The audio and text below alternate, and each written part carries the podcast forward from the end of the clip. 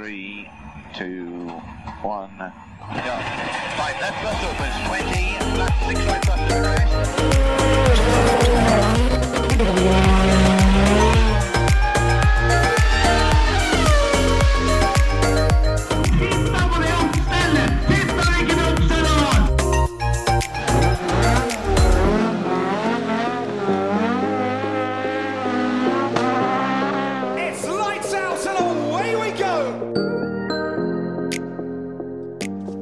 Ja, da var vi tilbake igjen. Hoi, hoi, hoi. Oi, oi. Oppropet. Terje Flåten, Her, her. Emil Antonsen Her. og jeg heter Kjetil Flåten, og vi er føremøte. Klare med vår eh, tredje episode. Dette blir trivelig. Dette blir ordentlig ålreit, tror jeg. I dag har vi en fin en. Det er, eh, vi har alltid fine, men Ja. eh, den her tror jeg er ekstra fin. Denne her kommer til å bli skikkelig fin. Og mye av grunnen til det er, som dere kanskje kommer til å legge merke til utover episoden, at uh, nå har vi oppgradert utstyret vårt litt. Så nå blir det tipp topp. Vi har nemlig fått vår første sponsor. Yay. Applaus.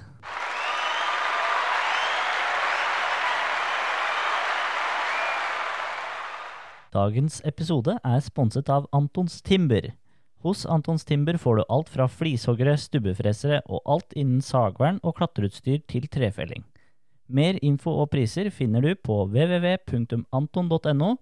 Igjen www.anton.no. Rett og slett. Det er plass til flere sponsorer. Altså. Vi skal ikke være, være flauere enn at vi må si det.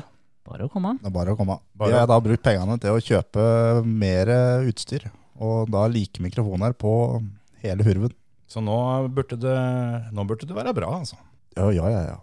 Skal vi eh, rett og slett begynne å prate litt om eh, det som har skjedd i helga? For eh, som vi lova sist, så Du har vært og spilt golf, Emil? Eh, nei, Hadde ikke faktisk ikke. Nei. Det ble ikke det, gitt. nei, nei. Det var planen, men sånn ble det ikke. Sånn gikk det ikke. Nei, nei. Men uh, Det var bra at du fikk gjort noe moro, da. Ja, Istedenfor den golfen. Ja, da, da kan det hende at den helga ikke ble så verst allikevel. ja nei, det er ikke så ille, men eh, Men uh, det har jo skjedd ting i uh, Monte Carlo. Der har de vært og kjørt rally. Den første eh, VRC-løpet for sesongen. Og der uh, fulgte i hvert fall jeg veldig mye med, Det gjorde jeg òg. Jeg fulgte med fra start til slutt, i grunn. rett og slett. Det gikk jo veldig bra. Vi fikk jo en, eh, en, eh, en norsk eh, vinner i VRC2-klassen. Det gjorde vi. Det tippa jo grunn Emil før vi begynte. Ja, det stemmer det. Stemmer yes, yes, yes. det. Du er god på de klasseseirene. Ja, klasseseieren. Jeg, jeg, Det er seier, det òg. jeg valgte å gå for den. Jeg har to av to, du nå. To av to. Ubeseira. Du da, Terje. Hvem var det du tippa? Jeg tippa Sebastian Ogier, jeg. Vant han, eller? Han ble nummer to. Han ble nummer to, ja. Du da, hva tippa du? Thierry Neuville. Han vant, han. Han vant. Mm. Det er, det er plassen foran nummer to, ikke sant? Det er helt ja riktig. da. Oh yeah. Ja, vi, vi har jo da i Sigdal så tippa vi vinneren i både klasse og totalt. Nå Ja. tippa vi vinneren i klasse og totalt. Yep. Så Hadde du i Sigdal? Terje tok den. Ja. Han, eh, han sneik seg jo til med å tippe først. Stemmer det. mm. Så jeg har da tippa én seier og én andreplass da på mine to. Eh, Men- Kjetil har tippa én brutt og én seier. Ja, nå så, jeg- så jeg en video her eh, om dagen hvor, hvor de hadde sammenligna inboards fra mitt tips Johan Kristoffersson og ditt tips Mats Østberg fra SS1. Og ut ifra den videoen så, så var Johan eh, styggkjapp, altså. Fram til det, det litt seinere er, gikk ganske dritt. det er jo grunnen til at han brøt her, da. Ja, det var ikke tekniske problemer, kanskje. Nei, det var ikke det. Men nok om det. Eh, Det var ikke tekniske problemer for eh, Ott Tanak heller eh, direkte. Det blei jo litt tekniske problemer. Men det blei det fytti helvete, og det blei tekniske problemer der. han reiste altså noe så jævlig i skauen. Jeg, jeg veit ikke om jeg har sett maken. Nei, det er noe av det sjukeste, altså. Det er, eh, han forlater veien i 183 km i timen, og publikum må gå og leite etter den, og de finner ikke bilen. Det er så drøyt. 183 km, takk og farvel til moder jord, og velkommen til skau. Ja, han, han Klipper jo trær bortover. ja, ja, han har ved nok i massevis, han nå. Ja, han kan fyre med ved. Den er ferdig hogd og ferdig eh, tørka og alt sammen. Og det er, han bruker vel 14 eller 15 sekunder fra han forlater asfalten til bilen står rolig. Og da har han da vært igjennom eh, skau og Jorder. jorder og ned ei fjellside helt til slutt. Ja, for det Altså, alle, alle som ikke har sett dette, her, sånn, må gå inn på Facebook-sida vår og, og, og se, for der har vi lagt ut videoen. Og det, det er jo så sjukt, for det, han flyr jo først eh, jeg vet ikke, faen, 100 meter eller noe sånt, før han da toucher ned ned bakken på et jorde og slår en sånn eh, saltovariant inn i, inn i skauen. Og, så- og så sklir han på taket, tror jeg det er, nedover jordekanten. Mm. Og så er det slutt på jordet. Da, det er jo sånn, det stoppa til slutt, det òg. For Ja. de er jo oppe i fjella. Ja, og da er det en sånn 40-50 meters fjellskrent han skal trille ned. Da Ja, ja. Og, og da begynner de å prate litt sammen. Syns jo det er Da har de holdt på så lenge. Ja, det er, nei, det er helt sinnssykt. Og, men bilen er jo Sjølve skallet på en måte på bilen er jo da like helt. Så de kan åpne døra og gå ut når de er ferdig. Ja, de klatrer ut begge to. Det Heldig- er jo, Det gikk jo heldigvis veldig, veldig bra. Det er jo så sykt, for det, det er jo en kameravinkel som filma inn i bilen fra dashbordet mot, uh, mot de to gutta. Og når du ser på bare den, hvis ikke du hadde sett uh, noe av det som skjer fra utsida, så, så ser det jo bare ut som de har en litt sånn gående demper og kjører bortover en litt sånn uh, humpete gårdsvei. Ja. Og det er, hvis en bare ser inboard nå, som, som også går framover, så ser det ikke så sjukt ut. Det er først når du ser den filmen fra utsida, den Ja. som vi har lagt ut på Facebook-sida vår, det er først da den rullinga der er sjuk. Ja. Og den videoen med de publikummerne som springer rundt i skauen der og ikke finner bilen. Nei, og de må liksom rope til hverandre 'hvor er bilen'? Vi, vi veit han har dratt av, men ja, vi, eh, vi så det jo. vi så det jo. Men hvor er han hen? Det er, det er helt, det er helt sjukehus.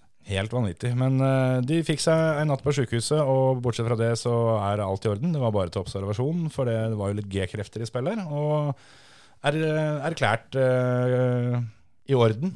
Og skal være klare til, uh, til rally i Sverige. Så får vi håpe at ikke de blir skremt av de greiene her. Det tviler jeg vel egentlig på. Nei, det tror jeg ikke. Det var jo ikke bare Tanak som eh, ikke kom til mål med Hundaien sin, dessverre. Nei, eh, Ole Kristian Veiby måtte dessverre bryte. Uh, traff ei en fjellvegg, Mm. han òg. Um, Ganske seint. Ganske seint. Det var på søndagen. Ja, den andre prøva på søndagen eller noe sånt. Nå. Ja, noe rundt der. Eh, låsen nummer to i WRC2, og ganske trygg andreplass. Mm. Skulle egentlig bare til mål. Um, hva som skjedde, det veit jeg ikke helt, men det er jo veldig fort gjort at sånne ting skjer. Um, og dro av og måtte dessverre bryte pga. det. Ja. Han blei ble jo stående midt i veien, så de måtte jo, eh, måtte jo stryke resten av den prøva òg. Ja. Men eh, ja, jeg så han hadde uttalt det at eh, teamsjefen eh, var ikke kjempeimponert over akkurat det der. Nei, det tror jeg ikke. Jeg tipper vel at følelsene til han Adamo, som er høvdingen i Hundai, Hyundai, de går like langt begge veier. Og Det tror jeg, ja. vi fikk jo med oss hvor, hvor glad han blei når, når seieren ble sikra fra, fra Neville. Mm. Ja, nei, det, vi får håpe at, at, det, at det gikk rolig for seg, det. Ja, jeg tror det hadde vært enda verre hvis Neville hadde blitt med tre. Da tror jeg Veiby hadde fått høre det enda mer.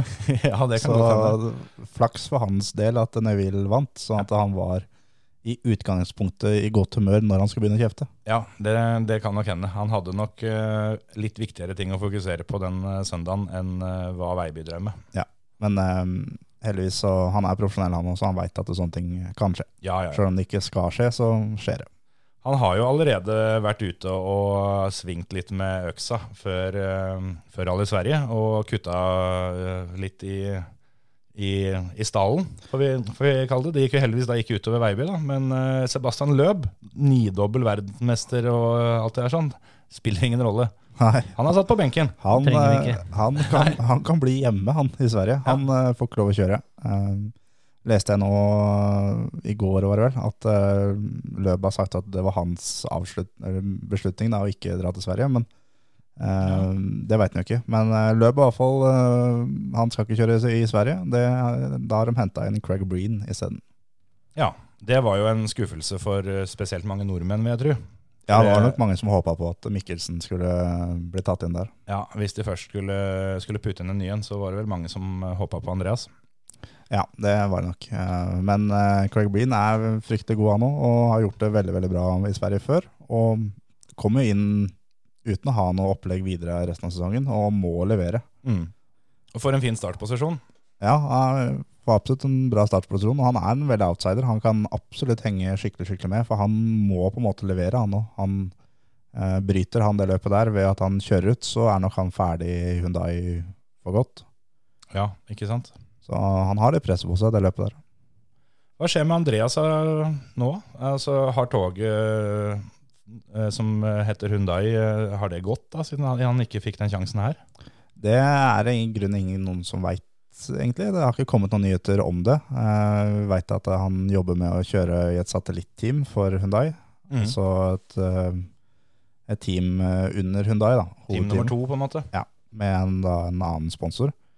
Eh, Det har ikke kommet noen nyheter på det. Eh, Han har også sagt at eh, hvis den muligheten ryker, så kan det fint hende at han kjører, leier seg en Ford Fiesta VRC og kjører for dem, bare for å få, for å få kjørt litt. Ja, det høres jo helt topp ut. Bortsett fra at Ford og sesongstart, det var ingen god match.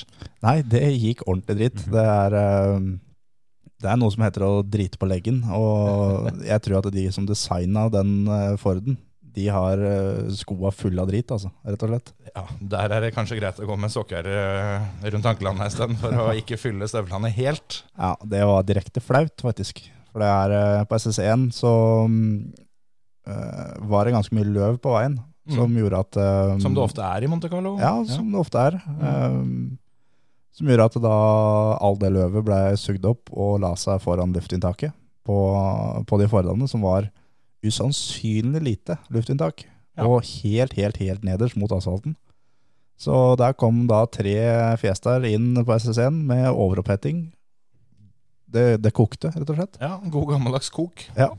Så, og tapte masse, masse tid på det, så da var løpet en grunn litt eh, over før det hadde begynt for eh, de tre førerne der sånn.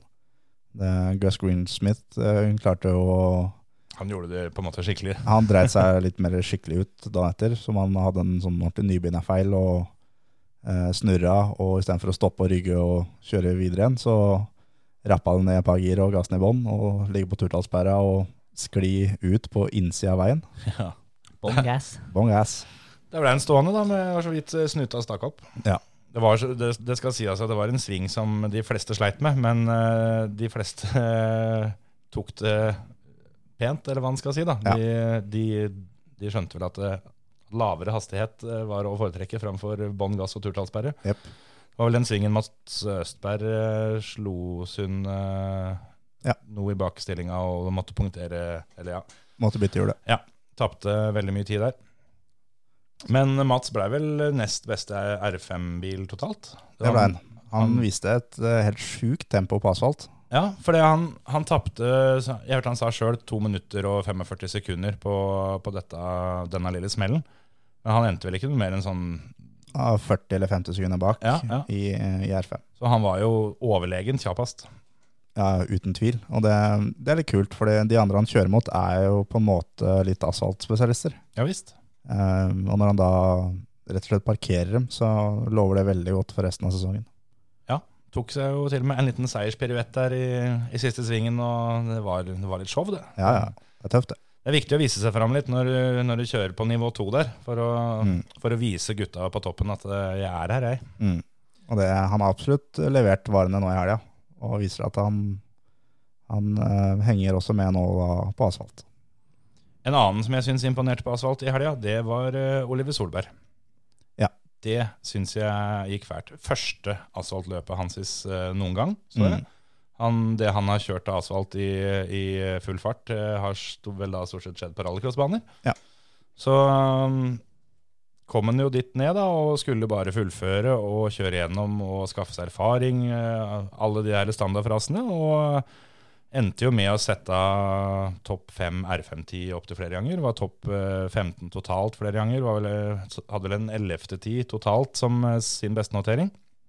Men det er jo også litt sånn, når det heter Solberg, du klarer ikke å kjøre en hel helg ved bare ta det med ro og komme av til mål. Det, du legger på litt eh, innpå der. Ja, det, jeg vil jo tro det. At det, det klemmes til litt innimellom. Ja, ja, ja.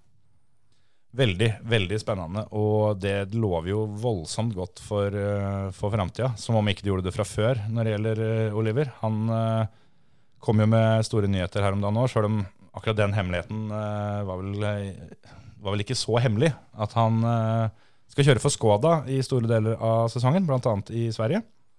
Ja, I utvalgte løp i WRC3 skal han kjøre for eh, en Skoda Fabia med støtte fra Skoda Motorsport. Det kan bli moro. Det blir tøft. Så skal han kjøre da poloen sin da de andre løpa. Så han skal kjøre alle, alle VM-rundene, men da utvalgte løp for, for Skoda. Og I VRC3 der eh, stemmer det der at du bare plukker poeng i noen få løp i sesongen. Så at det at han ikke var påmeldt i VRC3 nå i Monte Carlo, det gjør ingenting. Nei da, han fortsatt blir verdensmester. Tøft. Det hadde blitt gøy. Tenk deg det. Det var moro. Og Oliver var jo en som vi alle tre hadde på fantasy-laget vårt. Ja, det tenkte jeg på. At uh, han var med på de fleste lag. Det var han. Um, Han var, han var billig, vet du. veldig billig. Og Emil hadde jo også da Otanak. Ja, Han var ikke billig. Han Han var var, ikke han var den dyreste. han Og var uh, den som plukka minst poeng. Han skulle være poengslukeren min. Han burde fått noen stilpoeng, syns jeg. Ja, det, det fikk han jo. Han fikk 60. Ja. Så um, det gjorde da at din fantasy-runde var ganske vond. Ja, det var trist. ja, hvis du hadde fått lov å doble poengene dine, så hadde du fortsatt ikke vunnet. Nei, men eh, vesentlig mye bedre hadde jeg gjort. Det stemmer. Jeg, jeg var helt sikker på at jeg skulle vinne hele dritten etter lørdagen. For da Ja. lå jeg og Steve Røkland Vi lå helt likt. Både fredagen og lørdagen, egentlig. Ja, ja, ja. Dere, dere to fulgte hverandre tett som hagl der, altså. Ja, og så var det langt ned òg, til nummer tre. Så, ja. Men uh, søndagen var litt annerledes, da. Så da um, kom uh, The Chubby Foxes fra Sørlandet med Preben som sjef. De gikk forbi hele gjengen og vant overlegent uh, første runde. Rett og slett meget, meget imponerende. Det fortjener en Men ikke for mye. Nei. Men det som jeg også må ta med, må ta med er at Filip Håverud skuffer veldig med en sjuendeplass i den ligaen. Ja, han, uh, Han burde kunne dette her. han ble kun uh, Altså, han har kun Emil bak seg på, på resultatlista. Det.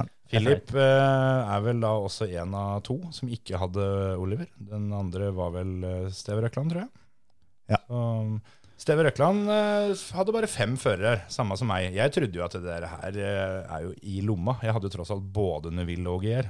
Mm. Nummer én og to på stort sett alt hele helga. Bortsett fra han eh, Ylfen Evans. ja. Elfin Evans var jo oppe og yppa litt, da. Men Han var oppe og yp- yppa ganske mye, han. Så um, han var imponerte. Ja.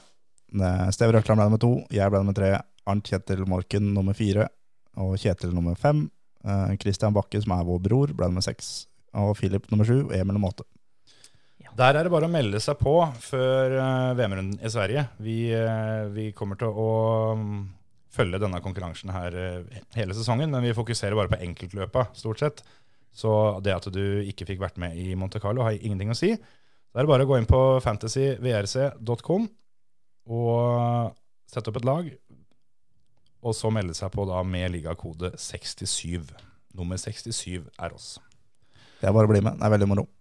Så får vi se. Hvis det blir mange med og ting går som vi håper, så hadde det vært moro å kunne dele ut en liten eh, premie til de som eh, gjør det bra. Det får vi komme tilbake til litt utover sesongen. Men eh, over til eh, holdt på å si noe helt annet, men det er jo ikke. Det er jo fortsatt motor og fortsatt asfalt. Og ratt, Men, eh, firehjul. Og ratt og firehjul, ja. Det, hjelm og stort sett det meste. Hele dritten. Det har vært eh, en meget imponerende helg, egentlig, sånn eh, på voldsomt mange fronter. Og en av de som, eh, som jeg syns imponerte mest, da, det var kanskje ikke like uventa, men det var en kar som var, var og kjørte litt gokart. Eller det var et par av dem. Det var et par som begge to imponerte veldig. Ja visst. Fordi eh, Martinus Stenshorne og Markus Sæter har vært i aksjon i VSK Champions Cup på Adria. Det er i Italia, er det det? Det stemmer. Det er i det såkalte varme land. Det var ikke veldig varme forhold eh, der stort sett uh, i helga. Men uh, det var veldig vekslende. Så det veksla mellom Var det en del regn og, Ja. og tørt og midt imellom og Yes, så de kjørte på både, både tørt og på opptørk og på regn. Så der eh, fikk de smake på alt, og begge gutta var eh, faktisk bang on helt i tet eh, fra starten av løpet på treningene. Så ramla begge to litt på tikjøringa. Og det er jo ikke superuvanlig på det nivået, for det Tikjøring er noe helt eget. Det Ja. tar lang tid før du blir god på det. Ja, og eh, det de gutta som kjører der, og, og kjører løp så mye, er veldig gode på, er tikjøring. Mm.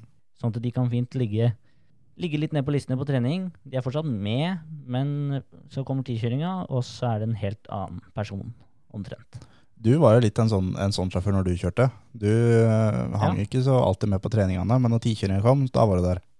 Ja, det var sånn det kunne veksle fra liksom ligge 20.-plass på trening, Mm. og til å være i tet på tikjøring. Så det at ikke de har de beste resultatene på tikjøringa, det er ikke helt unaturlig. Nei.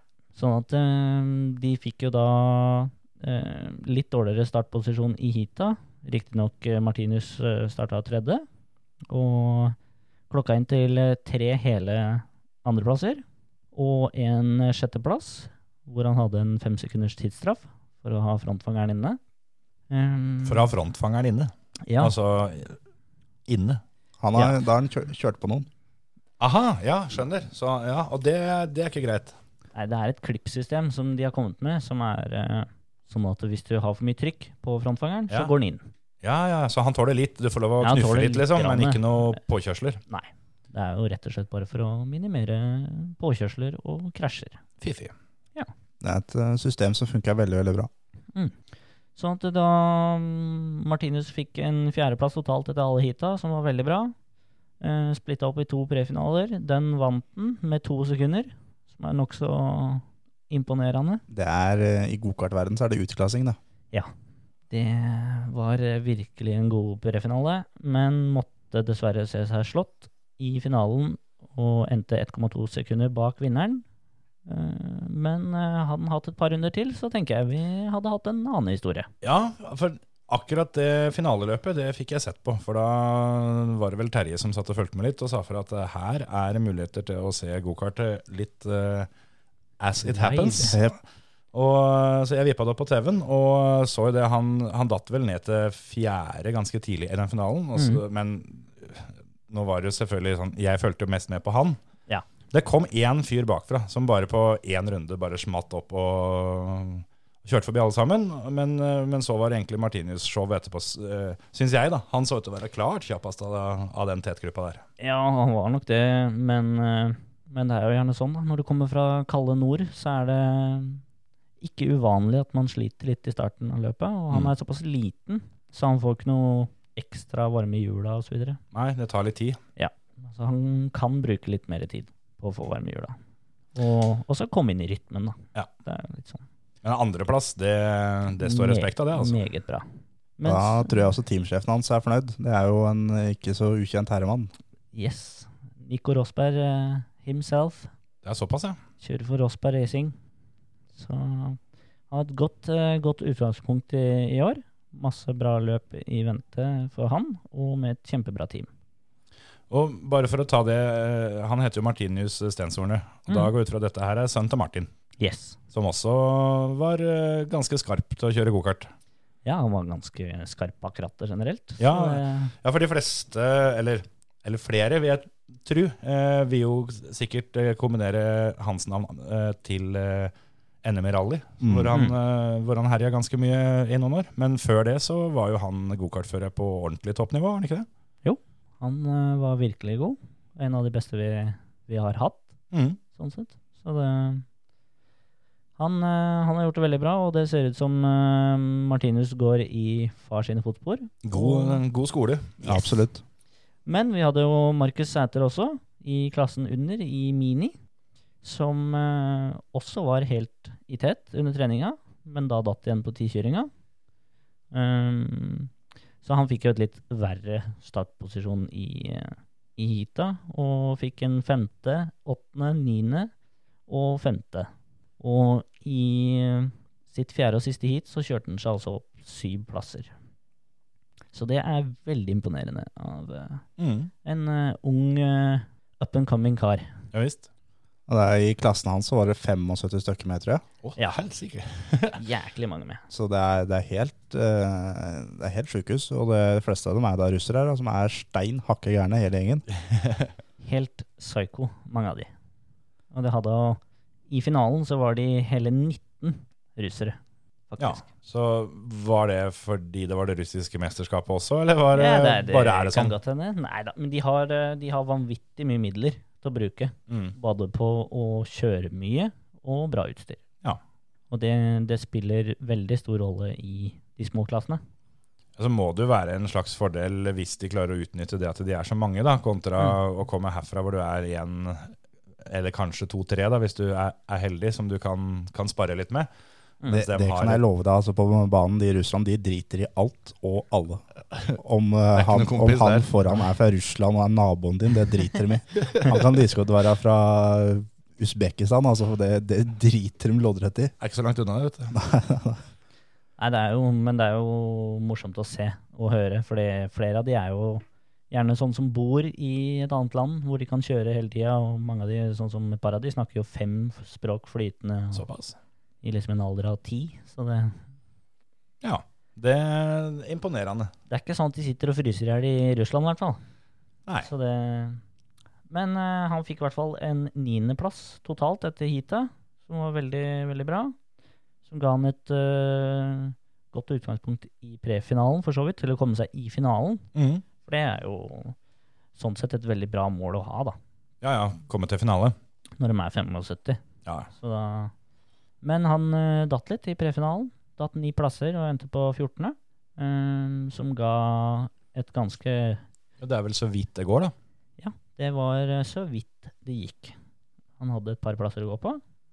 Men han hadde jo en helt uh, vanvittig finale.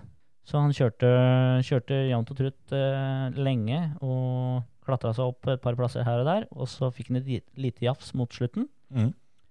Og klarte bare å ta vare på muligheten. Og klatra altså 18 plasser opp. 18 plasser. 18 plasser. Det er sjukt. det er drøyt, altså. Så han endte på en tiendeplass. Så det er jo vanvittig bra start. Rett og slett eh, tommel opp. Det der kan bli gøy utover sesongen, tror jeg. Det blir veldig moro. Så det, de har masse å glede seg til. For det, de får jo vanvittig god eh, erfaring Mm. så tidlig Mhm. På det nivået. Så det, Ja, Vi er jo i januar ennå, og de gutta er i gang med å kjøre gokart. De er i gang allerede. Så det, det, dette er litt sånn eh, forsmak på hovedserien deres, egentlig. ja. Så det, Så, ja, hva skal jeg si? Et sånt lite kickoff-løp. Ja, det vil si. Veldig bra. Veldig imponert av gutta. De leverer eh, på øverste hylle. Vi kan vel også ta med en annen en som uh, har vært og kjørt litt uh, på andre sida av Atlanteren. Vært Dennis og- Olsen. Vært og kjørt uh, litt større bil, Ja, kan vi jo si. kjørt Porsche, vet du. Kjørt Porsche. Kjørt Porsche. Porsche. Ja, han har kjørt uh, Porsche for uh, Team Faf Motorsport, og har da kjørt Rolex 24-timeren på Daytona. Ja. Et vanvittig stort løp, spesielt i statene. Daytona er jo en ganske kjent bane, så Mm. Det er heftig. Og 24 timer, da Han var ikke aleine om det, eller? Han var ikke aleine, han hadde tre teamkompiser Mm, Som bytter på. som bytter på. Jeg har vært på Daytona en gang. Ble solbrent noe så inn i hampen. Var så det jeg nevnt. Det kan hende de ble det der òg, faktisk. Det er ikke bare på Daytona du har blitt solbrent, Terje. Nei, det er Stort sett alle land som har sol, Ja, ja, ja. så er eh, Norge er Ja. Det eneste gangen du ser solkrem, er hvis noen i nærheten av deg smører seg inn. For, Ja, det er for det kommer ikke eh, bort til deg. Nei, nei, nei, nei. Rødt blir brunt på nattklubb. Altså, det, det fins ingen som faktisk har mer T-skjorta på når du har tatt den av, Nei, nei, nei. enn deg. nei, nei, nei. Der er jeg. Det er noen som kjenner meg, som kanskje vil si at det burde være kamp om akkurat den tittelen. Men Ja, vet du hva, det, det, den der tror jeg faktisk ikke du vinner. jeg har Altså. T-skjorteskill om vinteren, bare så det bare Ja, for, sånn. altså, det har jeg det har han òg. Ah, ja, ok. Det er bare sånn. Vi er brødre. Det er brent inn, det greiene der. Eh, Ja. Men ja da. eh, Åssen gikk det med Olsen? Han, eh, altså, eller generelt hele, hele bilen og teamet lå lenge først. Var jo storfavoritter etter treningene. Og, og Porsche sa det at dette er bilen å følge. Det er, eh, det er toppbilen. Disse skal vinne. Ja. Og det viste dem jo egentlig ganske klart uh, fra start. De leda lenge, før eh, de hadde tekniske problemer. Altså da en drivaksel drivaksjel som eksploderte. I hvor mange kilometer? Mener jeg leste det var 270. Ja. Det ser vi. Såpass. Det er, eh, det er sjukt, altså. Du kjenner den, da. Da går pumpa. dæven. Og det, og det er som, når det ryker da i 270, så er det ikke bare å bytte drivaksjeren og kjøre videre. Det er, den tar med seg litt på veien. da. Ja, jeg vil tro det. At det Det ble jo stående en times tid å skru. Ble stående i boksen, eller kom seg til boksen, Mm. og ble stående der eh, totalt i en time. Det høres jo veldig mye ut, men hvis en tenker litt på det Mm. Hvis du hadde fått eh, en time på deg til å, å bytte en eksplodert drivaksel med, med tilbehør og saus og hele kålstuinga det, det hadde blitt litt travelt, altså. Ja, nei, for å si det sånn, da. Eh, Da hadde jeg vært rimelig imponert hvis jeg i det hele tatt hadde klart å finne fram delene jeg skulle bruke innen en times tid. ja, for det, det Ja, det, det, det gikk jo unna, sjøl om en time høres jo veldig mye ut. Ja, og en time er jo sånn da løpet er over. Ja, det er klart. eh, de fullførte jo løpet, men eh, de kan ikke vinne lenger. da. Nei, Det var synd. De ble nummer 13 i klassen. Det, de fikk i hvert fall vist eh, tempo, og at det her kommer til å Altså her ligger eh, veldig, veldig mye an til at Dennis kommer til å få en skikkelig kul sesong. Det vil jeg tro. Men eh, det var jo to andre klasser som kjørte der også. Ja. Det var klassen over GTD, som Dennis kjørte, er eh, LMP2. Og der hadde vi en god kjenning av meg og Terje, Ben Hanley, som stakk av gårde med seieren Yes. Yes. for uh, Dragon Speed i USA. Uh, og øverste klassen, som er da DPI, som kjører da Le Mans-biler, uh, så var det Kamui Kobayashi. Han, ski, han skihopperen? Ikke skihopperen, ikke denne gangen. Jeg kan hende han hoppa litt på ski. Sånn, Ja, det kan på godt si hende. Det kan godt hende. Så Da må det være han eks-Formel 1-føreren, da. det er det. Han tok jaggu enda en tittel der, for han vant nemlig også i fjor med Cadillac. Da har han to klokker. To klokker. Han har sikkert flere. Men av de to så tippa du skihopperen først. Å ja, ja, ja. Ok. Men eh, det var masse andre spente, eller spennende eh, profiler med i løpet. De var sikkert spente spent òg. Ja, de var sikkert veldig spente, for det var nemlig en del NASCAR-sjåfører med i år. Oi. Kyle Busch blant annet var jo lenge med og prega løpet, men eh, de endte litt nedover på lista, sammen med for så vidt Duval, som også kjører i NASCAR. Ga gode, gamle Francois. Ikke Francois, Ah. men de endte i hvert fall på en tredjeplass foran nok en eh, tidligere Formel 1-sjåfør, Juan Pablo Montoya. Han er gæren, han. Han er gæren. Han har til og med jeg hørt om. Ja, fytti helsike, han er gæren. Og han har jo liksom skikkelig funnet sin greie nå, og det er jo NASCAR. Og der koser han seg. Men det er jo sånn, eh, en sånn type vil jeg liksom ikke se for meg at det er 24 timers løp hvor man trenger å være litt rolig og liksom, det er ikke noe for han. Men eh, det er jo tydeligvis det da. Jo, det er det. Men det skal også sies at de kjører jo ikke, selv om de kjører på Daytona, så er det ikke rundt og rundt ring. Eh, for så vidt eh, rundt og rundt kjører dem, men de tar eh, etter en, en halv del av banen, så går de inn på indre delen av banen. Aha. Ja. Hvor jeg da får et ordentlig svingete, eller et par ordentlig svingete partier. Så de har et par høyresving her òg. 24 timers ovalløp, da eh, Nei takk, ikke til meg, altså. Men det, er, det fins, det, altså. Jo, Så det, og det er ganske Altså, Er, det, jeg har aldri sittet og sett 24 timer, men highlightsa er fryktelig moro. i jo, jo. er teamet da bestående av eh, en fører, den blå rattlåsen og den gule rattlåsen? Nei, da, det, det skal jo sies at uh, NASCAR får jo mye tyn, da. Uh, for at det er uh, rundt og rundt i ring. Ja, ja. Men Men det er vanvittig vanskelig å Altså, ja, de kjører bare venstresving her, men, men taktikken og, og førerferdighetene mm. trumfer nok en gang igjennom. Akkurat som i alle andre. Ja, det ser jo litt artig ut. Og så er det jo den, eh, den der lyden akkurat når den kjører forbi, Mm. er jo ganske ikonisk. da. Den eh, er ganske, ganske heftig. Det, for å si det sånn, da, Hvis du står langs gjerdet der hvor de passerer eh, på bånn gass Hit i helvete. Det går unna. NASCAR er tøft. Men det var jo da synd for Dennis, men, men han ser vi jo mer av seinere i sesongen. En annen vi kommer til å se mer av seinere i sesongen, som også gjorde det bra i helga, er Andreas Bakkerud. Mm. Jepp. Han eh, kjørte nå da isløp, trofé Andros, med elektriske biler. Så han kjørte ikke rallycross. Varm hos Hebbe. Det var ikke hos Hebbe. Det var eh, i de franske alpene. Aha, ja ja. Same, same. Nesten likt. Eh, og kjører hele den serien i år. Og mm, i helga nå så klinte han litt skikkelig til og kom eh, på pallen to ganger i to løp. En tredjeplass og en andreplass. Det er rått. Dobbel pallen. Det er, de bilene er kule, altså. Elektriske biler, firehjulsstyring, vindusviskere på siderutene, Firehjuls. styring, ja. Og trekk. Ja vel. Ja vel.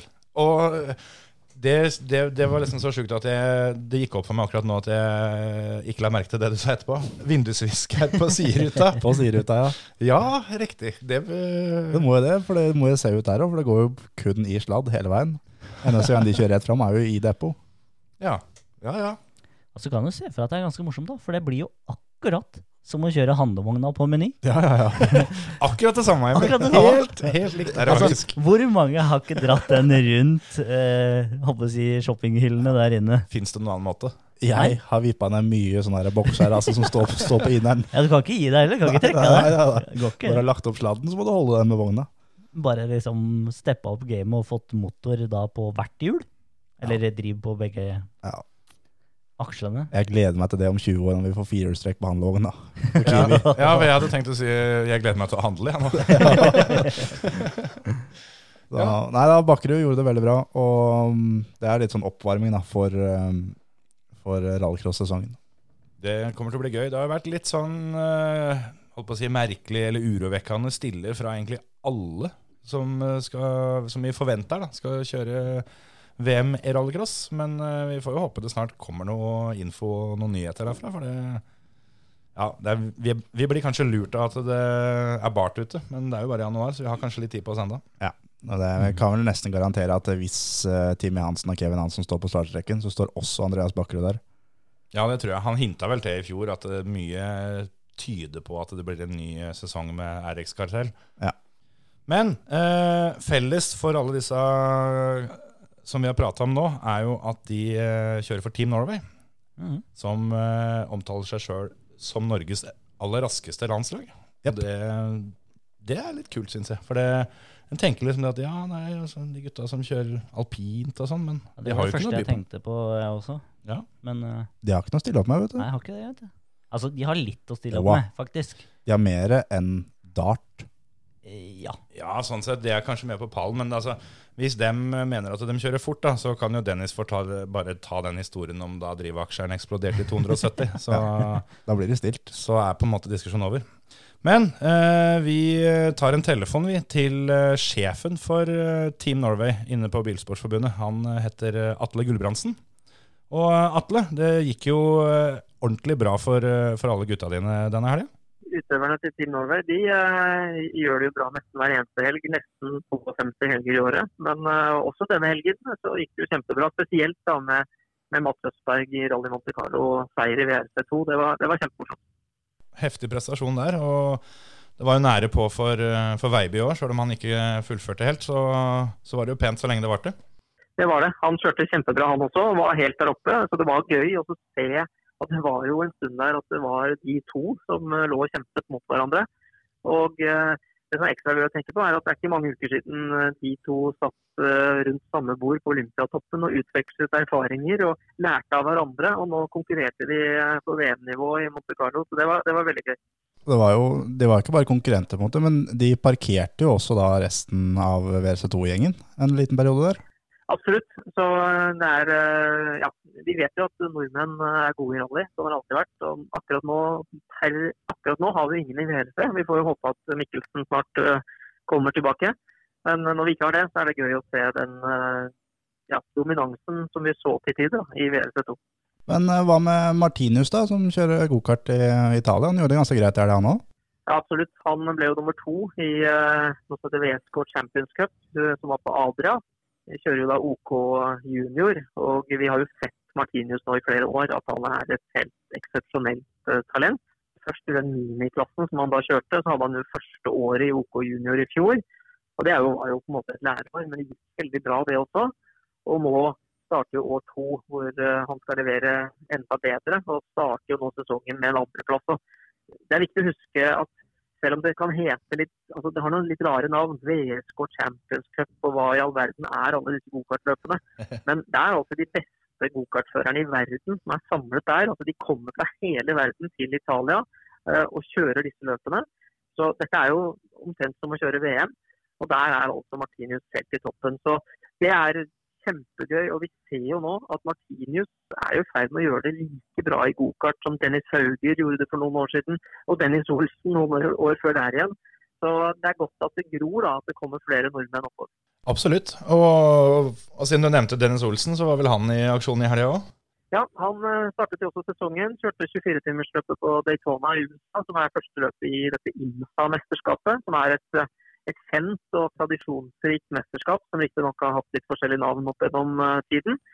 Uh, nå gikk det ikke så veldig bra, dessverre, for, uh, for Dennis og co.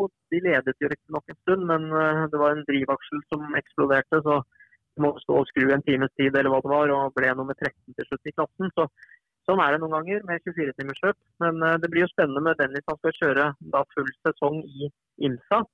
Og det er, selv om det kanskje ikke er det mesterskapet som er mest kjent i Norge, så er det for det første, som jeg sa i stad, et veldig prestisjefylt mesterskap med masse historikk, eh, masse fabrikkteam som er inne i forskjellige klasser. Og så er det et av de racingmesterskapene i verden som kjører på de kuleste banene, synes i hvert fall jeg. Altså, det er noen fantastiske baner i USA som altså, De kjører altså på Watkins Glen og Sebring og Daytona og Robadanta og Long Beach og Lime Rock og alt hva den heter alt sammen. Og alle disse banene og alle disse løpene som Dennis kjører i år. Så jeg gleder meg også til å følge, følge Dennis i, i, USA. Og så løsna du litt for Bakkerud i eh, Trofé Andro i, i helga òg? Ja, da, første pallplassen til Andreas, eh, så det er gøy. Og dette er jo noe som han bruker egentlig som trening foran rallycross-sesongen. Jeg tror det er god trening. Eh, dette er jo isracing. Eh, og det er ganske høyt nivå der også, når du ser på de andre førerne som er, eh, er med. Det er jo noen erfaring fra Formel 1 f.eks. Så det var gøy at han tok en pallplass der. Og så er det noe annet som er litt spesielt med Trofé Andros, er jo at det er jo elektriske biler de, de, på en måte snikinnførte det litt før. Da var det jo elektriske mot uh, bensinbiler, men nå er det bare elektriske biler. Og Det er jo ikke helt irrelevant for Bakkerud heller, da, fordi det er jo mye som tyder på at det blir elektrisk rallycross etter hvert. Og Da er det jo greit å ha litt erfaring med det også. Ja, absolutt. Felles for alle de vi har pratet om nå, er jo at de er med på Team Norway, da, eller det vi, det vi kan kalle landslaget, selvfølgelig, som, eh, som du eh, styrer. Nå er det jo ny sesong og alt det er sånn. Er det, altså, har dere noen målsettinger for 2020? Noe, noen konkrete mål dere vil, vil, strekke dere mot? Ja, vi har jo for så vidt det. Altså, når, når, det gjelder disse, disse landslagene våre, da, bare for å ta det, det aller først, så vi, vi har jo vi kaller det for Team Norway. Um, og Det har jo eksistert i, i, mange år. Og så har vi, gjorde vi en liten endring i fjor. at Vi delte det inn i tre. Så Vi har et, et elitelandslag uh, som da er de beste førerne våre. Og Det er av type Bakkerud, type Mats Østberg, type Dennis Olsen, som vi nå har snakket om. Og Det er jo førere som i prinsippet er profesjonelle. De, de, lever av motorsport, det er det eneste de driver med. Og de, de kjemper helt i verdenstoppen. Og de har også så profesjonelle apparat rundt seg at det er ikke så mye tid de bruker på de utøverne. Eh, for Vi er jo et lite forbund, vi har små ressurser. Så det, det, er på en måte ikke riktig at vi skal bruke veldig mye ressurser på Dennis Olsen, som tross alt er fabrikkfører for Porsche. Men det er veldig fint for oss å kunne ha et elitelandslag med de beste utøverne. Det er god reklame for norsk bilsport. Og da er det litt gjevt for de beste utøverne også å si at de er på landslaget. De syns det er litt ålreit. Og så har vi en del tjenester som de, de benytter seg av. Men de som vi satser mest på, det er noe som heter satsingslandslaget. Og Det er da noen håndplukkede utøvere som er litt yngre, men som vi tror kan ende opp som profesjonelle. Og som kan ende opp i verdenstoppen i sin gren. Og De følger vi opp mye tettere da enn disse på elitelandslaget. Og så har vi i tillegg da et juniorlandslag med, med de yngste utøverne. Eh, som da kan etter hvert, hvis de gjør det bra, havne på satsingslandslaget etter hvert. Og så har vi jo da noen mål. Um, men de er jo ikke sånn superkonkrete. Men det som i alle år har vært målet til dette som heter en talentutvikling og, og Team Norway osv., det har jo vært at man skal skape en toppidrettskultur i norsk bilsport. eh, utøverne de skal lære seg å trene fysisk, de skal trene mentalt, de skal spise riktig. Eh, Og de skal oppføre seg som toppidrettsutøvere. Og alle disse som er på landslaget nå, de, de er toppidrettsutøvere. Men så har vi utvidet det med et par ekstra målsettinger, og det er at vi ønsker å skape flere profesjonelle førere fra Norge. Og vi ønsker å skape internasjonale mestere. Så sånn som når da Dennis Olsen i fjor for å ta et eksempel, vinner Intercontinental GT Challenge, så har vi på en måte huket av én målsetting. Da har vi en internasjonal mester. Og så prøver vi da som sagt å, få flere til å bli profesjonelle. Fordi, og det, det jobber vi mye med. fordi vi vet jo det at i bilsport i dag, så, eller egentlig så har det alltid vært sånn, det, det er fryktelig kostbart. Um, og det å klare å noen gang enten få lønn eller å få kjøre gratis, det, det er vanskelig. Men jeg tror at det er flere muligheter til det enn mange i norsk bilsport tror. Eh, Men det dreier seg litt om kunnskap. At man må ha kunnskap om hvor er det det lønner seg å kjøre for å kunne bli oppdaget, og for å da kanskje få en sånn fabrikkontrakt. Og Denne rådgivningen jobber vi masse med. Og Det er jo noen konkrete førere som vi har jobbet veldig mye med de siste årene. Og For å nettopp hjelpe dem da til å bli profesjonelle. og Det har vi lykkes med. Og Nå jobber vi med da flere unge førere igjen, sånn at vi kan få flere nordmenn da slipper å skaffe liksom, mange millioner kroner hvert år for å kjøre bil. De kan heller få lønn for å kjøre bil. Og Det, det er et av målene våre. Det høres jo absolutt ikke feil ut, det. Det er vel det som, eh, som du sier har vært en, eh, en liten hemsko i, i mange år. At det er uh, veldig dyrt uh, både å holde på og ikke minst å nå toppen. Det er jo det. det er, og det er jo, sånn er det jo fortsatt. og det, det er jo det som stopper de fleste bilsportutøvere. Det er jo økonomi. Mm. Det er mange som er supertalentfulle og flinke, men så stopper det seg på økonomi. Uh, men hvis, altså noen av dem, da, hvis de da tar de rette valgene i karrieren, og det er kanskje det viktigste vi kan bidra med i en best talentutvikling.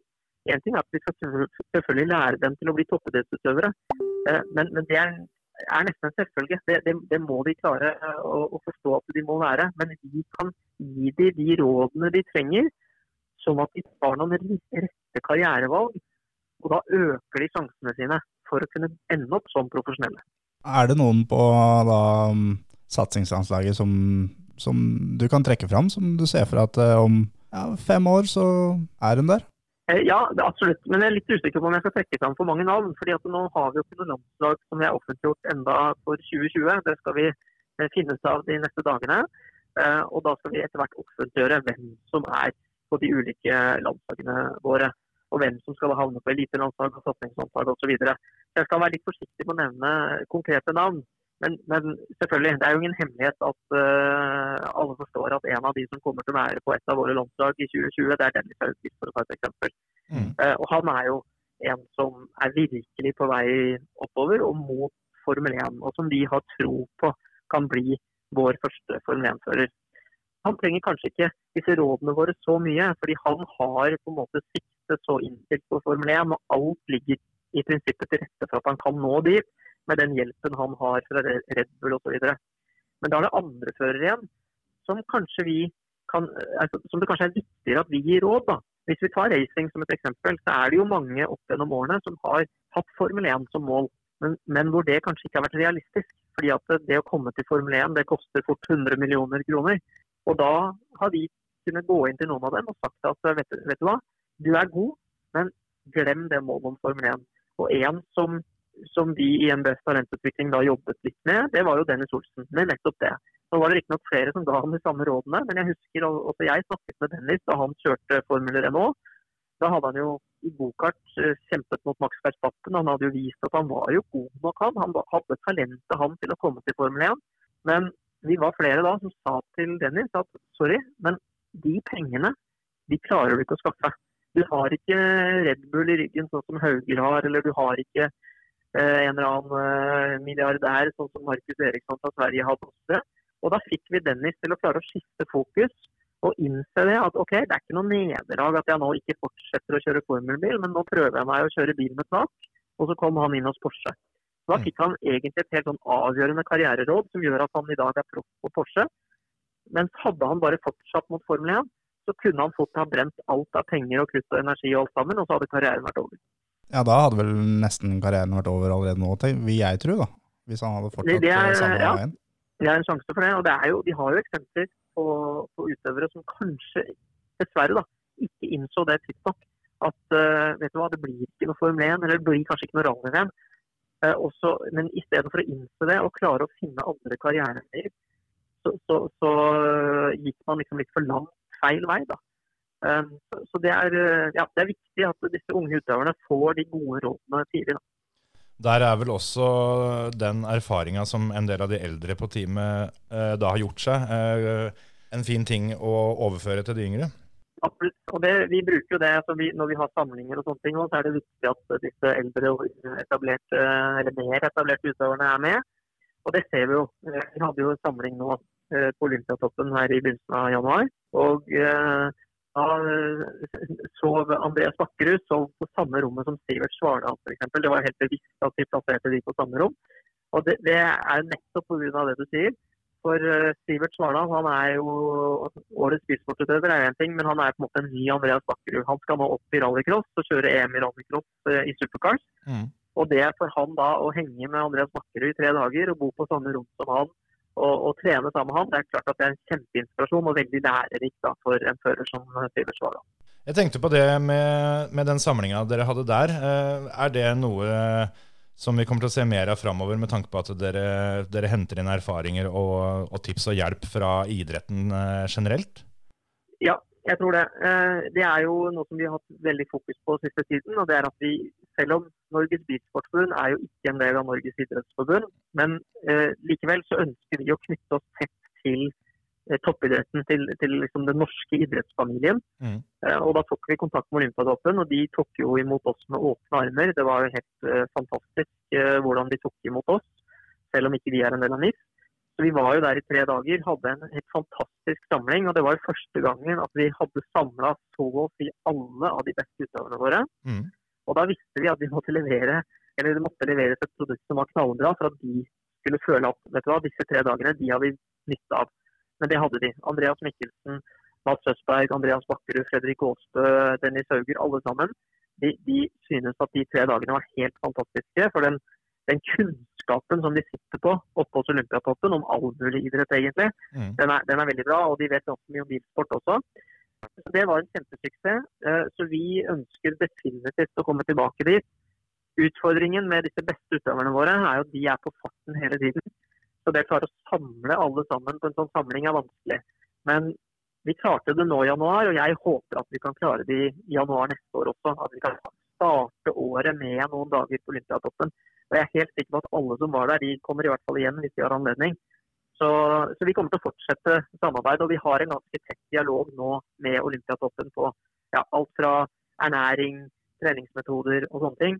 Og vi har også en, en trener som heter Jan Åge Askildsplass, som ikke bare er tidligere norgescupvinner i gokart, men han har også jobbet på Olympiatoppen, så han, han har også mye kunnskap derfra. Da. Hva er det som må til for å få bli med på dette her, da? Ja, da må du være god.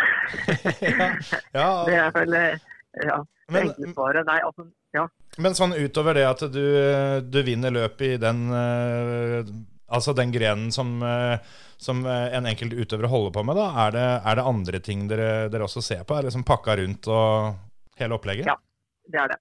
Um, vi, vi, er jo, vi er jo en styringsgruppe som, som altså Jeg jobber jo med dette her på 50% så jeg er jo den som jobber mest med det. Men det er ingen heltidsstilling, men en 50 stilling. Og så har jeg en styringsgruppe. Og Der sitter Holm Jakob Matheson, som var sportssjef før meg og i mange mange år.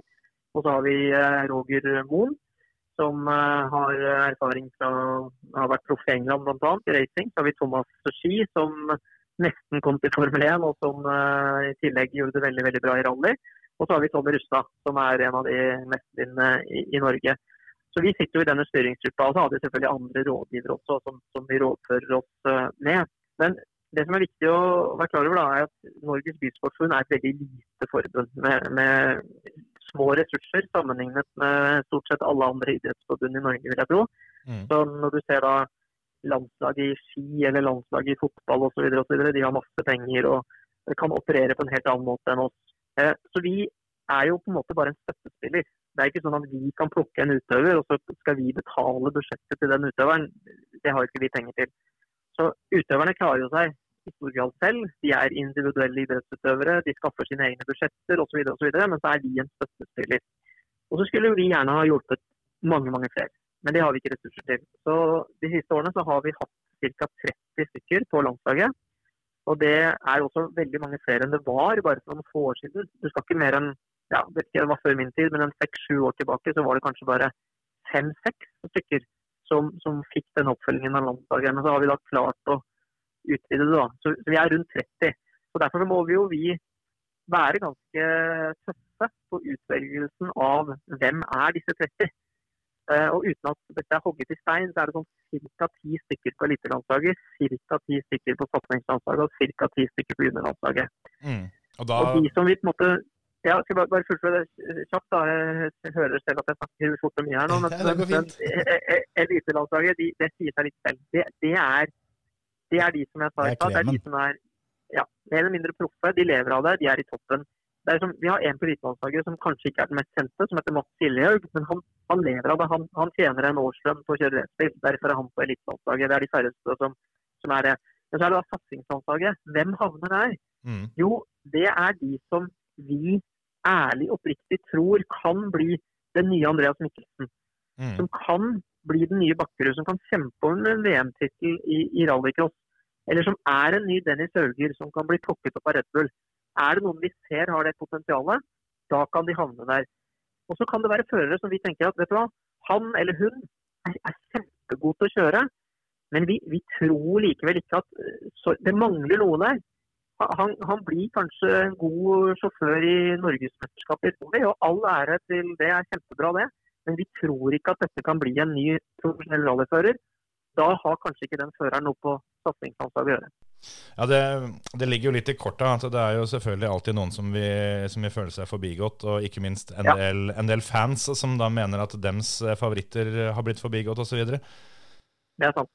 Så det er jo da, ettersom jeg forsto, en prosess dere, dere jobber med den uh, uka her. Og da kommer det vel noen nyheter om ikke så veldig lenge. Så mm, jeg lurer på om vi bare skal ønske dere lykke til med den prosessen dere skal i gang med. Og så håper vi å kunne høre litt mer fra deg når, eh, når uttaket er gjort. Tusen, tusen takk for det. Dere kommer til å høre mer. Det er ikke så lenge til. Jeg kan ikke si noe eksakt dato, men eh, det er ikke så lenge til at vi offentliggjør årets landslag. Og så er det som du sa, at det er selvfølgelig noen som, som spesielt de som er veldig nære å få en plass, og som da ikke får en plass. Og jeg forstår det veldig godt, som da kan bli skuffa. Og det, det er kjipt for oss også, for vi skulle gjerne ha hatt med flere. Men vi har bare ressurser til å følge opp så og så mange. Mm. Og da må på en måte vi sette grensa et sted. Så sånn er det. Men sånn er det i fotball, og sånn er det i ishockey og sånn er det i ski også. Det er alltid noen som havner utenfor. Så det tror jeg de fleste forstår. Det håper vi de gjør også. Så håper vi at eh, både du og Team Norway og alle utøvere får et veldig godt 2020 som eh, vi, kan, eh, vi kan sitte her og prate mye om utover sesongen. Så takker vi for, for praten, Atle. Tusen takk. Tusen takk. Ja, det var Atle. Det, Det var sjefen. det var sjølveste sjefen, rett og slett. Det blir spennende å se når de får tatt ut dette landslaget. Det kommer vi helt sikkert til å prate mer om siden. Yes. Men da er vel eh, Ja, det er vel sagt, det som skal sies om det som har skjedd i helga, i hvert fall. Mm. Det er det. Nå fikk vi en oppsummering til der. og vi, eh, vi kan jo ta med en ting til som vi snakka om forrige eh, uke også, som hadde litt med Monte Carlo å gjøre. Det er jo Luftmåleren til faren til Emil? Ja. Ja, stemmer det. Eller, eller, eller var det ikke den? Norges Nei. mest kjente luftmåler. Ja. Kan nesten si verdens. Jeg, vet, jeg har ikke hørt om noen andre. Nei. Så eh, Nei, Hadde den vært mer kjent, så hadde du hørt om dem. ja, det er akkurat det. Så superenkel forskning viser at verdens mest kjente luftmåler den, Ja, kan, kan hende det er noen andre som har lånt det bort, eh, som ikke har rekke å komme til andre sida av verden ennå. Men ja. vi får se. Vi får se. Ja, nei, det var ikke den, det var ikke den jeg tenkte på. jeg Jeg, tenkte på uh, denne ligaen vi oppretta på, på Dirt Rally. Yeah. Uh, dette holdt jeg på å si TV-spillet, eh, blir det riktig å si? Er jeg veldig gammel nå? Nå, nå hørtes du 90 år gammel ut. Det var det jeg skjønte sjøl rett før jeg skulle si det. Men eh, ja, på Xbox, PlayStation og PC så er det et skikkelig kult spill som heter Dirt Rally 2.0. Og der, eh, der har vi lova bort. Vi begynte forrige uke med at hver gang det er WRC-løp eller VM-runde i rallycross, så skal vi sette opp eh, tilsvarende løp på spillet, da, sånn at alle kan være med og kjøre mot hverandre og mot oss og sånne ting. Og eh, det første, første runden i Monte Carlo er jo avslutta. Åssen gikk dette her, Terje? Der um, gikk det for min del ganske drit, men det gikk bedre for meg enn for deg. Ja, for jeg, jeg Altså For meg gikk det så skikkelig dritt at det Jeg skjønte allerede på innsjekken, for å si det sånn, idet jeg fikk opp, eh, fikk opp løypeprofilen, hvor jeg så at det var et par uh, saftige etapper først, og så var det da tredjeprøva uh, som skulle kjøres i mørket, og så først etter den så var, var første service. Og det er fint lite foran på den bilen min i det spillet, som er der det skal være, etter to, to prøver. Så den tredje prøva i mørket, det blei liksom litt nådestøtet. Da, da fikk vi noen dobbeltpunkteringer og et jævla geitehelvete som jeg aldri klarte å komme meg fra. Så jeg brøyt rett og slett på SS4 når jeg fikk tredd denne R5 Fabian min ned i elv, som de aldri fant igjen den bilen. Så da var det over for meg. Ja, jeg, jeg kom meg til mål, men jeg hadde en del punkteringer. Så jeg, for hver punktering så får du et minutt tillegg. Jeg hadde vel tre punkteringer. Så jeg kom sist av alle de som fullførte. Du kjørte rett og slett oppsamleren og grønnbilen. Det er helt riktig. Ja. Så, men det som også er litt kjipt da, med den ligaen og dirt eh, sånn, at vi veit jo ikke de ekte navnene på folk. Vi får bare opp nikka, nicknama, til de som har kjørt. Så hestejente 17 vant. Veldig nærme. Det var uh, Mongo-Jon. Aha, Mongo-Jon. Ah. Han, uh, han tok seieren foran Mjukis. Mongo-Jon og Mjukis. De får ikke mer enn det, altså. Nei, nei, nei, nei. Men det der, ja ja. Men det som er sjukt, da, vi, vi kjørte i Eller de, da. Sjæl så kjørte jeg i 43 minutter, men eh, dem kjørte i 39. ja. Eh, og det skiller fem sekunder mellom de to. Oi, det er litt kult. Da er det, da er det tight. Da Mongo-Jon han er virkelig tatt i, han da altså. Den, den av de to som kjørte sist, fikk jo virkelig noe splittier å fighte mot. Mm. Det, ja, det, er, det har jeg ikke tenkt på sjøl engang. Jeg kjørte jo med en gang. Men det er kanskje enda mer moro å kjøre litt mot slutten. Ja, det kan godt Kan du kjøre på tiden til de andre. Men øhm, ja, da, da veit jo alle det. Det er bare å få meldt seg på. Vi kjører samme opplegg der som på VRC Fantasy. At øh, vi driter litt i sammenlagtstillinga. Vi, vi kjører ett løp av gangen. Så det er bare å komme seg i gang med det spillet. Hvis ikke du har det spillet allerede, så gjør noe med det. For det der er moro greier, altså. Og da eh, kommer du deg inn i vår klubb? Eh, hvis du går på dirtrally2.com, så kan du logge deg inn der da med brukeren din som du bruker på spillet. Eh, så er det da en fane som heter Clubs. Eh, og da er det egentlig bare å søke opp eh, Forermote podkast I ett ord. i ett ord. Podkast? Podkast. Jeg har klart det, som sagt, så det, det der, der er helt tydelig en overkommelig oppgave. Når du på 90 klarer det, så blir Til det og med- bedre. Til og Han, med han han, som spiller TV-spill. Ja. han gamle på 90 som spiller TV-spill. Han Han, som skal ut i, ut i garasjen og spille litt TV-spill. ja, det er, men det er jo så moro, da. Og det, det er en liten tanke vi har òg, at eh, etter hvert som vi skal ha litt gjester og sånn eh, på denne podkasten Atle har jo på en måte vært gjesten i dag, men han var over Ja. telefon. Så han får ikke prøve. Men eh, de som tar turen til oss i studio, de skal få spille Dirt Rally. Og det er tanken at da skal vi filme det. Så har vi rett og slett stjålet ideen fra Top Gear. Ja. Er det de kaller det for noe? Reasonably priced car. Ja. Da Vi må få kjøpt ei tavle og få hengt opp her og skrevet tider på. Ja, det må vi gjøre. vi må, vi må lage litt ordentlig. Og da velger vi ut ei etappe og en bil som blir fast for alle sammen. Og så får vi lov å teste én gang, for det gjør de vel til og med på Top Gear. Alle andre enn Steve Røkland får lov å prøve en gang. Ok, og du. Og meg, ja. Så er det bare å knekke til, og da er det ikke noe restart. Så det som skjer av punkteringer og knusing av front, det, det skjer. Og så blir det satt ei tid som vi da skal føre en liten statistikk over.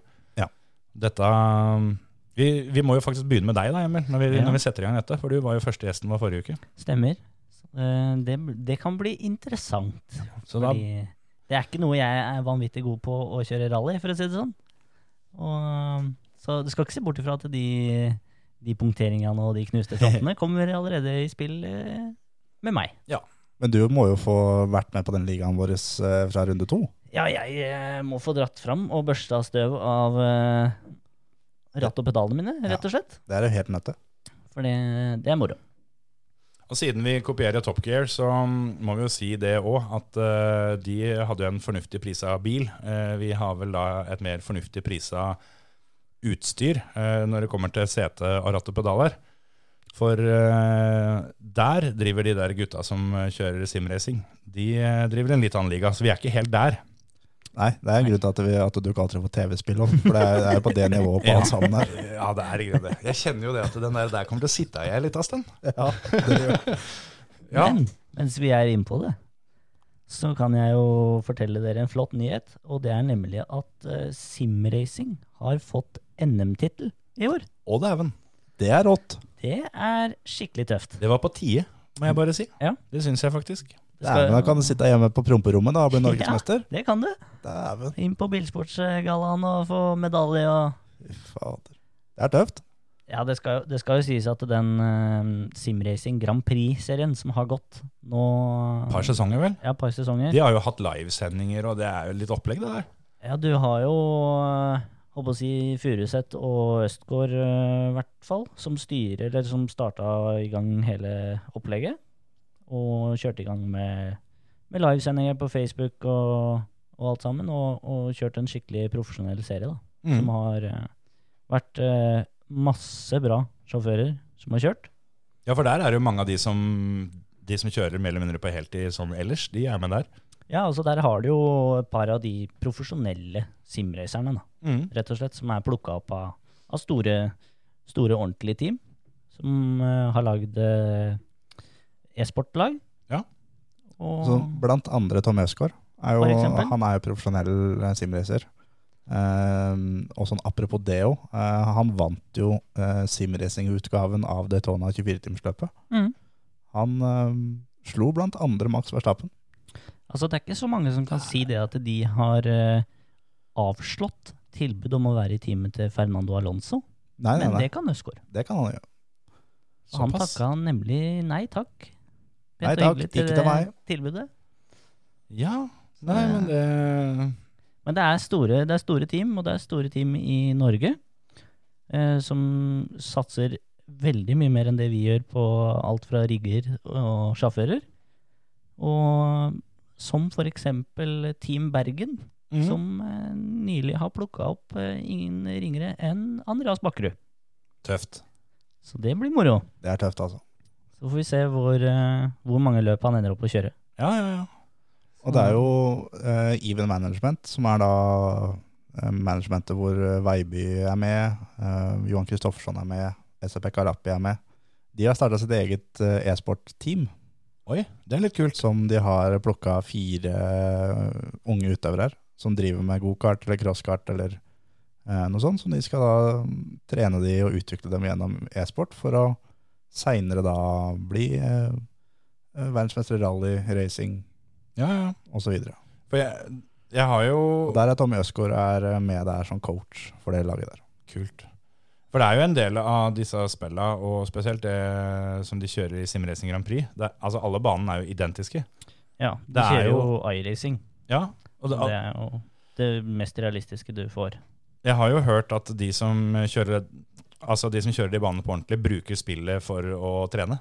Ja, sånn som uh, Lando Norris, Max Verstappen blant Mm. annet, er jo en av de på en måte to største profilene som aktivt bruker det og konkurrerer i nettopp uh, e-sport. Ja. Og, og det kan jo være litt av grunnen til at eh, sånn som Landon Norris, som kommer uh, opp i Formel 1 og leverer med en gang, Mm. um, det kan være både veldig sjukt talent, men det kan også være ekstreme forberedelser da, gjennom simracing. Det skal jo sies at alle Formel 1-sjåførene har faktisk et krav om å kjøre så og så mange timer i simulator. Ja, Eh, så Lando fikk jo faktisk da eh, dispensasjon til å få simmen hjem til seg, siden Ja. han kjørte så mye. Så han har bygd en ordentlig, ordentlig rigg hjemme i stua. Så han har på en måte på, på en måte kan du si at han har en Formel 1-bil i, i, i garasjen hjemme. Ja, det kan du egentlig si. Litt annet enn den der eh, Mini-Morrisen jeg kjører rundt med på dirt på, i min garasje.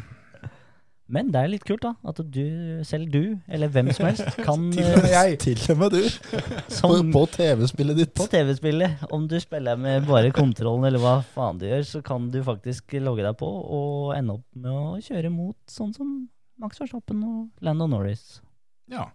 Det, ja. Nei, det der eh, det er tøft. er veldig kult. Så til alle som eh, føler at det her endelig er min sjanse til å bli norgesmester, dere kan jo begynne i Dirtligaen vår, og så ta det derfra. Ja.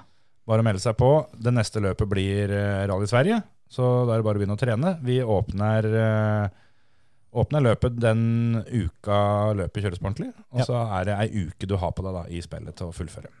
Det er det. Men eh, apropos Landon Norris og Max Verstappen og de gutta her, sånn. For der eh, De har jeg planer om å se litt mer til om ikke så veldig lenge. For her kom det nemlig en, eh, en deilig nyhet for et par dager siden. Yes. En uke siden kanskje det har blitt. 28. februar, da smeller de til med ny sesong av Drive to Survive. Dæven. Og hvor moro. perfekt er ikke da at her har bare hele universet gitt oss eh, skuddårsdagen eh, 29. februar, en dag som er til overs, som selvfølgelig da ikke er til noe, for å kunne bare se hele serien med en gang. Er, 29. er det helligdag? Fridag? Ja, det må jo være det. Hva, hva skal du med den? Sånn, den er jo bare ekstra. Det blir jo fridag nå, da, i og med at Drive to Survive Gjør det. Det blir eh, mye egenmelding her. Lever inn sykemelding, egenmelding, Alt. ring sjefen. Åssen er greia med å levere egenmelding nå? Si at jeg, jeg kommer nok ikke til å være på jobb 29.2. Jeg tror at det er begravelse den dagen der. Så Vi, da, vi har jo på mange måter gjort det nå, føler Ja. jeg. Det er alle våre sjefer. Vi kommer ikke 29. Nei, Sorry. hvis det er noe, så er jeg hjemme. Ja. Og opptatt, så ikke mas. Send en mail hvis det er noe. Men dæven, gutter. Det der eh, gleder jeg meg til skikkelig til. For det første sesongen, det var saker, altså. Ja, det er noe av det bedre faktisk jeg har sett. Det er noe av det bedre som er på Netflix. altså. Ja, jeg, jeg vil faktisk være enig. Det er, Eh, det er i hvert fall topp fem. Det er mye bra på Netflix, men den serien der er jeg helt sikker på at de som ikke er noe voldsomt uh, ivrige på motorsport og syns at det er en bra serie, for det, den er bra laga, rett og slett. Og det, jeg for min del uh, har vært litt sånn at uh, jeg har jo alltid fulgt med på Formel 1, og spesielt tidligere om åra og alt det der sånn, men de siste ja, en, en god del år nå da, så har jeg egentlig dette i lasset litt. Syns det har blitt litt kjedelig alt sammen. Og så kom jo denne serien. Tenkte jeg, ja, jeg må jo selvfølgelig se på det. Og det, det endte jo med bare fullstendig overtenning, hvor det var eh, Altså, Åtte episoder, smakk rett ned. Ja, jeg så de åtte episodene på den tida det burde tatt å sett fem, er jeg sikker på. Det føltes litt sånn. Og så alle om igjen, og rett inn på formel1.com og årsabonnement med full tilgang og kamera på soverommet til Hamilton omtrent. Altså, det var jeg, alt med en gang. Og husk, jeg, du fikk vel en telefon, Terje, om, eh, og det var ikke om vi skulle dra på Formel 1-løp, men det var liksom hvilket løp skal vi dra på? Ja, ja. Det var med en gang. Det var dagen etter. Du, jeg syns at vi skal dra dit, og så skal vi dra dit. Da hadde vi lina opp fire-fem løp, og at det måtte vi på. Det ble ikke noe av det, da. Nei da. Det verste er jo faktisk det at det er så sjukt mange som aldri har sett på Formel 1. Mm. Egentlig ikke er motorsportinteressert i det hele tatt. Ja. Som bare har klikka seg inn, liksom. eneste de veit, er at Formel 1 er en kjapp bil. Ja, altså alle har jo sett det litt på nyhetene og liksom vet at Formel 1 er, det er liksom toppen, da, liksom. på en måte. Men de har liksom ikke bare har de sett første episoden, men de har banka inn de sju neste direkte, omtrent. Ja. Og fulgt med på, på resultatlister og blitt helt liksom med på den reisa da, de sjåførene. Det er moro, altså. Det er eh, det må være det beste PR-stuntet vi har sett i motorsport, eh, så å si ever.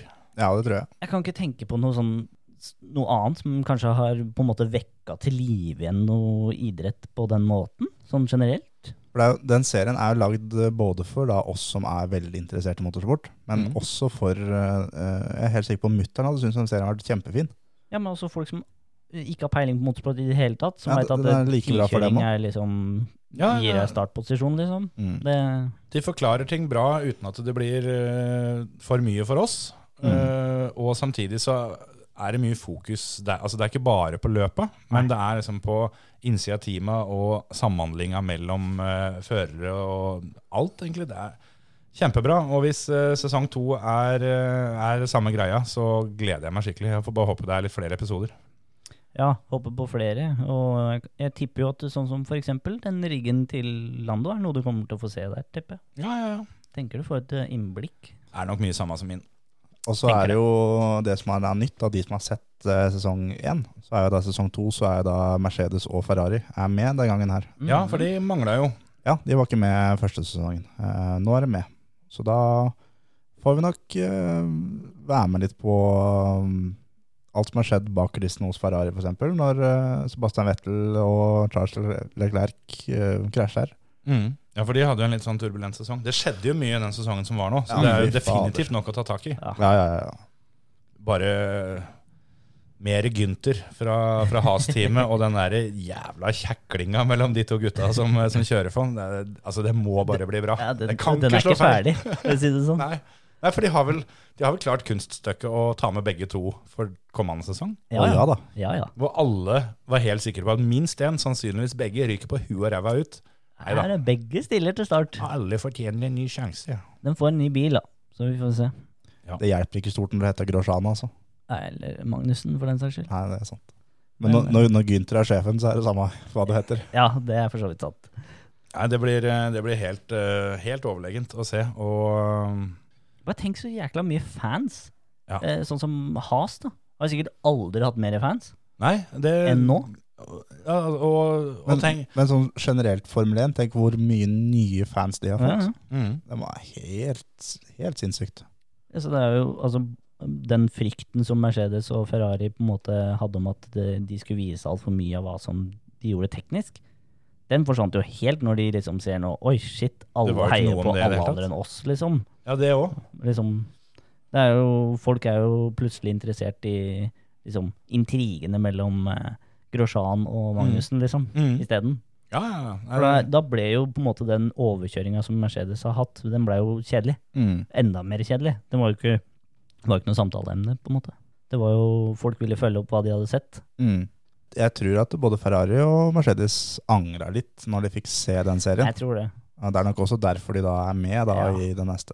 Det blir spennende, da, for du Det er Ja. intriger i år òg, for å si det sånn. Ja, og så har liksom eh, Charles Leclerc som kommer inn uh, i debut, uh, Mm. debutsesongen for Ferrari der og, uh, og leverer som han gjør, og den gamle stjerna som da føler seg litt tilsidesatt, og som Da får vi jo kanskje litt mer innblikk i da, om det var årsaken til alle de feilene han gjorde i løpet av sesongen. og Bottas, som, som alle trodde kjørte på oppsigelse, som bare leverte en kjempesesong. og Det er så mye å ta tak i der. Og så blir det jo fortsatt, da. Og så er det jo også sjåførbytte i Red Bull midt i For sesongen. eksempel. Ja, det stemmer, Det det. også skjer jo. Så er Kimi med, da. Det, Han er rå, altså. altså, det er et øye på terningen. Ja. Det, er bare, det er bare å glemme det. liksom. Kimi er så, han er så høvding. Altså, hvis, du- hvis du har sett sesong én og trodde at du hadde sett eh, bra karakterer, bare vent uh, for å se Kimi. hvis du ikke har sett og fulgt med på Formel 1 før, og får se han for første gang ja, eh, det blir ja, Det er så hysterisk bra i det intervjuet med Daniel um, Ricardo. Mm. Han sier ja, jeg er bilmekaniker, jeg. Ja. Alle sammen sier ja til det er, jeg er Formel 1-sjåfør for det og det. ja. Jeg er bilmekaniker. Ja, men det er mye morsomme greier. Det er, og det er det du på en måte de drar inn alle seerne på. At det er, de er uh, kule karakterer og Mm. personer, liksom. Det er gøy å følge med på hva de gjør. Mm. Altså sånn, Jeg satt og så på en eh, 25 minutters lang video hvor eh, Daniel Ricardo går gjennom eh, ikoniske bilfilmer. Mm. Og hva som er feil i de, og hva som er bra i de, og morsomt. Og han sitter bare og kødder i 25 minutter. Liksom. ja, ja. ja. Og så er det da, når det da, hvis ikke dere har sett da, sesong 1 av Drive to Survive, så er det bare fått klint imellom med en gang. Ja, ja, ja. Når det da er ferdig i kveld, for det kommer det til å være, det kommer til å være ferdig i kveld med det, Mm. Så er det bare for Eller en gang i natt, Ja, eller en gang i natt. sånn som det ble for min del. Så er det bare å få dratt til og sett eh, dokumentaren om Williams Formel 1-time Ja. i morgen. Det tenkte jeg på, at eh, det er mye annet, uh, annet bra som, uh, som dreier seg rundt Formel 1, som ligger der ute å se. Mm. Og den og Dette kunne vi egentlig prate om seinere òg, vet du. Men, Ja eh, nei, men det gjør vi. Ja. Vi sparer den. Ja. Og så, Nå har vi gitt dem sesong én av Drive to Survive, og har du sett det før, se det en gang til. Mm. Og gjør som vi gjør, gled dere til 28. februar, for da kommer sesong to. Mm. Nå er jeg så ivrig at nå tror jeg bare vi må runde av. Skal inn og se på Drive to Survive. Ja, jeg tror kanskje det, og så skal jeg spille litt TV-spill. Ja. Ja. TV ja. Prøve å slå Mongo-Jon. Ja, eller mjukis. Jeg er mer på det nivået, føler jeg. Ja. Nei, men eh, vi oss til uka, folkens. Det Det gjør vi. Ha det! Ha det.